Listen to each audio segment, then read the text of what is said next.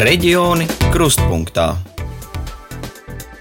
Labdien, raidījuma reģiona kruspunktā klausītāji! Mans vārds ir Oskars Brasliņš, un šodien raidījumā pievērsīšos tēmai - cilvēki ar kustību traucējumiem pie autostūres. Cik reāli tas ir Latvijā? Mūžīgā mājasēde - vides pieejamība Latvijā. Es labprāt vispirms iepazīstinātu ar Māri Svikliņu. Viņš dzīvo Rīgā, Pļauniekos. Mārim ir kustība traucējumi, kas sagādā grūtības ikdienā pārvietoties. Tiesa gan viņš pārvietojas pats. Ratiņkrēsls nav nepieciešams, bet viņš nevar, piemēram, iekāpt pats sabiedriskajā transportā vai uzkāpt pa trepēm, ja nav īsti kur pieturēties. Mārim izdevās nokārtot autovadītāja tiesības, bet tas nebūtu nebija vienkārši. Lai ieskicētu situāciju, pastāstīšu, ka autovadītāja tiesību iegūšana invalīdam nav vienkārša un pat laba Latvijā realizējama tikai vienā vietā - Jūrmalā. Arī Māris tiesības kārtoja tur.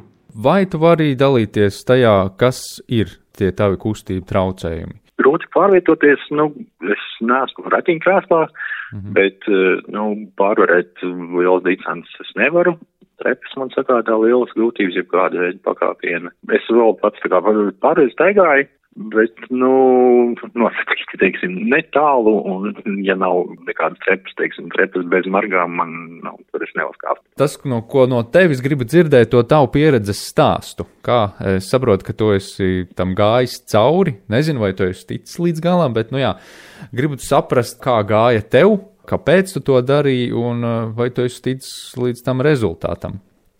Jā, ir tiesības. Es 17. gada decembrī novembrī nokārtoju. Kāds bija tas uh, sākuma posms? Kur tu vērsies, kur tu sāki interesēties par to? Es tā kā vairāk vai mazāk zināju, bet tas ir pateicoties tam, ka es iepriekš ilgu laiku strādāju nevalstiskajās organizācijās, precīzāk Tenco Līdz ar to man jau bija tādas zināšanas, kur un kā tas aptuveni notiek, bet es gan nekad tam nebiju pievērsies tā, nu, tā kā padziļināt un konkrēti. Un tad ar laiku sapratu, ka man tīri dēļ veselības stāvokļa, kad pārvietoties ar sabiedrisko kļūst ar vien grūtāk un vairāk ir nepieciešama, teiksim, taksometru pakalpojumu vai kas, kas, protams, ir krietni dārgāk nekā, nu, ja viņi vajag ikdienā, tad lētāk sanāk braukt pašam ar savu privāto transportu un attiecīgi radās tāda nepieciešamība pēc tiesībām. Kāds bija tas process? Eh, es saprotu, ka ir tieši viena vieta Latvijā, kur to var izdarīt, tā ir jūrmala. Varbūt, ka tagad kaut kas ir mainījies, bet vismaz uz to 17. gada beigām, kad es liku pat agrāk es jau sāku, tad jau es pat, laikam, 16. gadā sāku tā konkrētāk interesēties, sameklēju kontaktus šai autoskolai, painteresējos, kā tur var pieteikties un tā tālāk, kur man arī pateica, ka nu, ir tā kā ok, eh, valsts apmaksāt, ja nemaldos, uz to laiku bija eh, teorijas daļa, kura gan bija diezgan absurda, jo viņam prasīja kaut kādu ilgu laiku, kaut kāds trīs mēnešus, ja ne pat ilgāk. Tas pamatojums, ka viņi tur uh,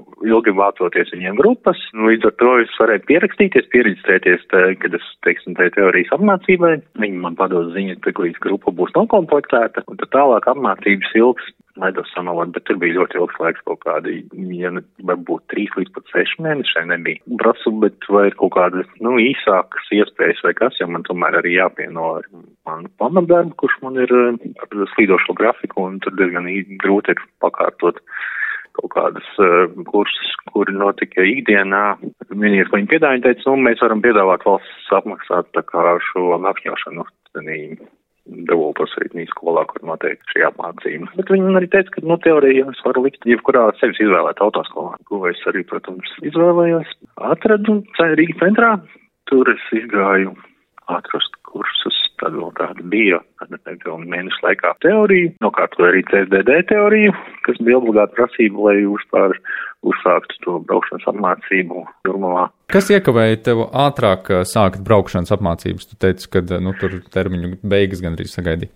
Privāti, tur bija darbā, bija pārmaiņas, un, un, un līdz ar to mainījās darba slodze. Tur jau bija tālākā problēma, kas ir pakārtot ka braukšana var notikt tikai jūrmalā, un lai uz turieni nokļūtu, man reāli bija tā braukšana, tur man nav cilvēks, kas man var ievadāt, un, teiksim, vilcienā es netieku fiziski. Arī uz to laiku es jau vairs netiku arī mikroautobusos. Līdz ar to man bija jāmeklē privātais transports, kas man izvadās. Turklāt ne tikai aizvest uz vienu galu, bet arī tur mani gaidīja. Cilvēks tātad viņš man aizveda, viņš divas stundas sēdēja mašīnā vienkārši gaidīja, kamēr es izbraucu savu braukšanu un braucu atpakaļ. Nu, katrs man šis brauciens maksāja 20 eiro vienkārši tam cilvēkam samaksāt par to, ka viņš man aizveda tur un gaida, kamēr es mācos. Nu, un plus, protams, pašas mācības stundas, kas man arī jāapmaksā. Lai mēģinātu saprast, kam tad īsti pienākas iepriekš minētā valsts apmaksātā auto apmācība un cik liela ir interese par šo apmācību, uz sarunu aicināju arī sociālās integrācijas valsts aģentūras direktora vietnieci profesionālās rehabilitācijas jomā Solveigu Kabaku. Siva koledža ir gandrīz vienīgā vieta Latvijā, kur iegūt šādu apliecību cilvēkiem ar kustību traucējumiem. Cik liela interese ir par šo iespēju? Šeit es gribētu uzsvērt, ka šo pakalpojumu par valsts budžeta līdzekļiem mēs piedāvājam profesionālās rehabilitācijas klientiem. Un, ja cilvēks mācās Jūrmālas profesionālajā vidusskolā vai Siva koledžā, tad var teikt, ka viņš saņem profesionālās rehabilitācijas pakalpojumu, ir mūsu klients. Un viens no šiem pasākumiem, papildus pasākumiem, papildus atbalsta pasākumiem ir arī B kategorijas autovadītāja apliecības iegūšana. Bet ja nav šī pakalpojuma saņēmējs, ja šo klients, šo... tad vai no ārpuses cilvēks par saviem uh, naudas līdzekļiem arī var iestāties šādā te apmācībā? Var, jā, protams, pat par samaksu var. Pie mums SIVā B kategorijas apmācības ir vidēji teorija, vidēji viena līdz divas grupas, viena līdz divas reizes gadā mēs īstenojam teorijas apmācību un tad tālāk arī, protams, paralēli, kā jebkurā citā skolā, arī braukšanu praktisko. Un cik liels ir tās grupas? Kā kuro reizi? Ir gan, gan astoņi, gan desmit cilvēki grupā. Tiem, kuriem būtu vēlme braukt, tikai ar vēlmi nepietiek. Ir jāiziet arī ārstu komisija, kur novērtē, vai cilvēks, cilvēkam ir tāda iespēja mācīties braukt, vai viņš drīkst kļūt par satiksmes dalībnieku. Kad skolā teorētiskās un braukšanas iemaņas ir apgūtas, laiks kārtot eksāmenus. Izrādās, CSDD ir ļoti pretimnākoša un kā nu var mēģina palīdzēt un atvieglot tikšanu pie tiesībām. Sarunājos arī ar CSDD kvalifikācijas departamenta vadītāju Juri Teteri. Kāda ir tā interese kārtot eksāmenus, iegūt uh, autovadītāju apliecību un uh, kāda ir tā kārtība, lai līdz jums nonāktu?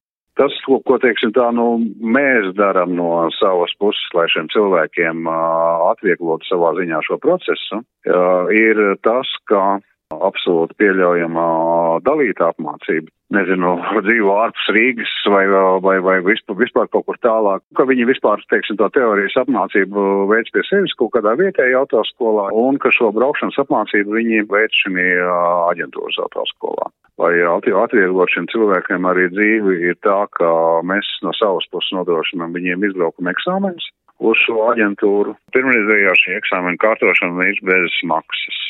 Vai ir iespēja arī kaut kur reģionos šādam cilvēkam, ja viņam ir sava automašīna, kārtot eksāmenu, tur savā dzīvesvietā pieņemsim? Nē, nu mēs patiešām, teiksim tā, nu ļoti, ļoti elastīgi pieejam šis, šim, mm. šīm situācijām no izņēmuma kārtā. Kā, nu, kā jūs zināt, parasti eksāmeni tiek pieņemti ar mūsu automobīļiem, jā, bet mm. šiem cilvēkiem tad, nu, viņi var nākt ar savējo, jā.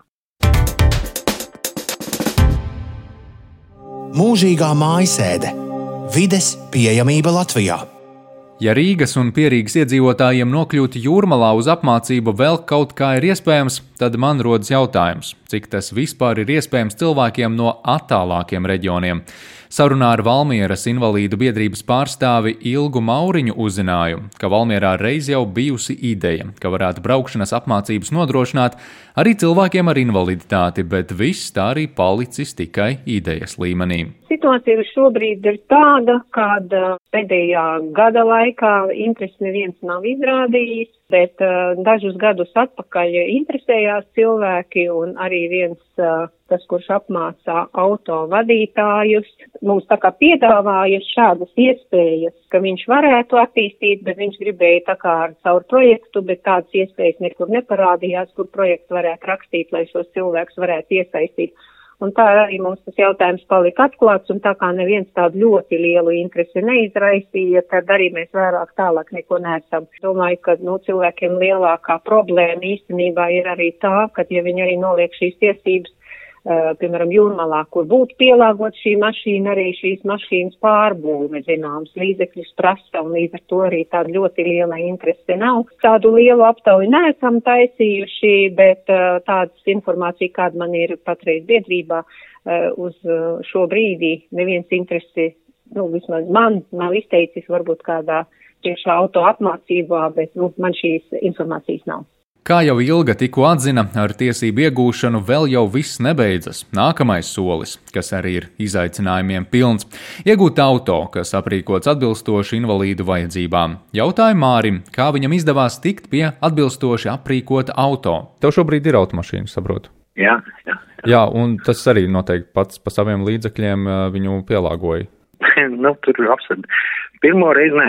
Pirmo mašīnu arī turpatās viņi pielāgo, tas ir valsts apmaksāta bez maksas, bet uh, reizi trīs gados to var darīt, kā arī tur ir jāpierakstās uz rindu. Toreiz gan bija salīdzinoši nosacīt. Ja, teiksim, tas arī bija starp citu eh, kā mīnus, uh, ja, teiksim, cilvēki, kuriem nav kustību traucējumi, lai mācītos var izmantot, nu, jebkuru tad, cilvēku mašīnu pārējo ieliekot embotas un vienkārši blakus sēdot attiecīgiem vadītājiem ar to stāžu, kas ir nepieciešams, lai varētu mācīt. Tad man iespēja brīvajā laikā kaut kur mm, pamācīties, pabraukt, nu, es varētu meklēt varbūt vēl kaut kādus cilvēkus, kuram arī jau savs privātais transports, kurš pielāgots rokas vadībai, mm -hmm. tā būtu kā opcija, bet, nu, man īsti tādas nebija uz to brīdi. Tad mana braukšanas tā reālā daļa sastāvēja tikai no tā, cik es braucu no autoskolu.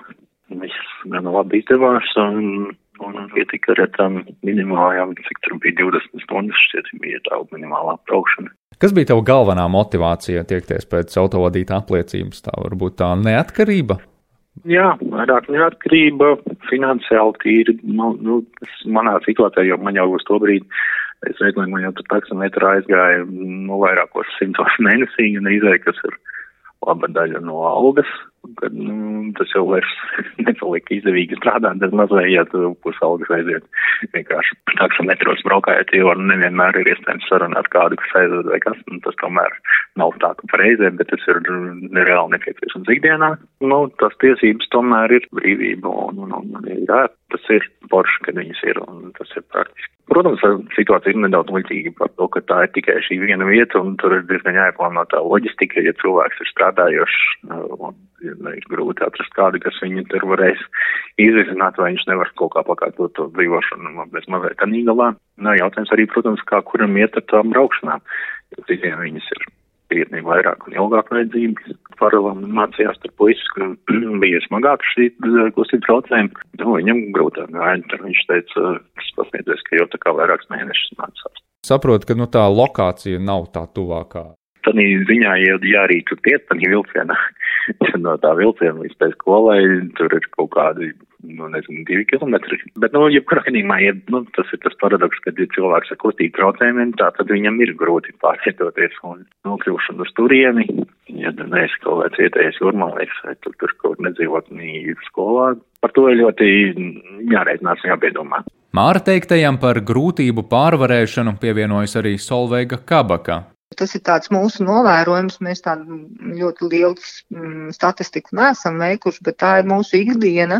Un ko mēs pamanām, ka lielai daļai cilvēku tūlīt pēc, pēc invaliditātes iegūšanas ir diezgan zema motivācija, ja runājam par iegūto invaliditāti, jo ir jāsadzīvo ar to ziņu, ir jāsadzīvo ar to tiem funkcionēšanas traucējumiem ir, ir jāsaprot, ka tu vairāk nevarēsi izdarīt tik daudz, cik tu varēji izdarīt līdz šim, ka turpmāk tev ir jāpielāgojās citādākiem apstākļiem, citādākai, nu, ka tavu dzīve būs savādāka nekā līdz šim, līdz, līdz, tam, vai līdz nelaimes gadījumam vai līdz slimībai. Un tad nevienmēr visi ir tik stipri, lai gan pieņemtu, gan saņemtos un gan sāktu domāt, eh, nenokārt galvu, bet sāktu domāt, nu, ko tad es tomēr varu tajā savā situācijā, kādā es šobrīd esmu.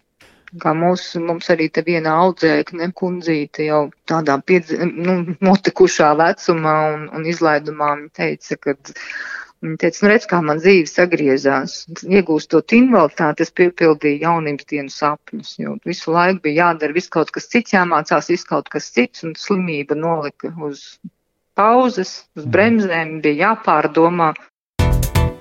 Galvenais secinājums, kas izriet no šīm sarunām, iespēja braukt pašam ar auto ļoti atvieglo ikdienu, tāpat arī ietaupa līdzekļus un galu galā tā ir iespēja kļūt neatkarīgākam un nebūt lūdzēju lomā. Tikai tam, kurš izlems šo soli spērt, jārēķinās ar dažādajiem sarežģījumiem šajā ceļā. Mūžīgā mājasēde - vides pieejamība Latvijā. Šogad labdarības maratons dod pieci pievēršas vides pieejamības jautājumam lai cilvēkiem ar funkcionāliem traucējumiem pārtrauktu mūžīgo mājasēdi. Raidījums veidots RTV pēc programmas Latvijas Rādio 1 pasūtījuma. Raidījumu veidoja Oskars Braslīņš un Solvita Stāra. Nākamajā raidījumā kolēģi no Latvijas Rādio Latvijas studijas stāstīs par latviešu valodas izmantošanu publiskajā vidē. Balvu novads šobrīd ir vienīgais, uz kura robežzīmes novada nosaukums tagad lasāms gan latviešu, gan latviešu. Reģioni krustpunktā.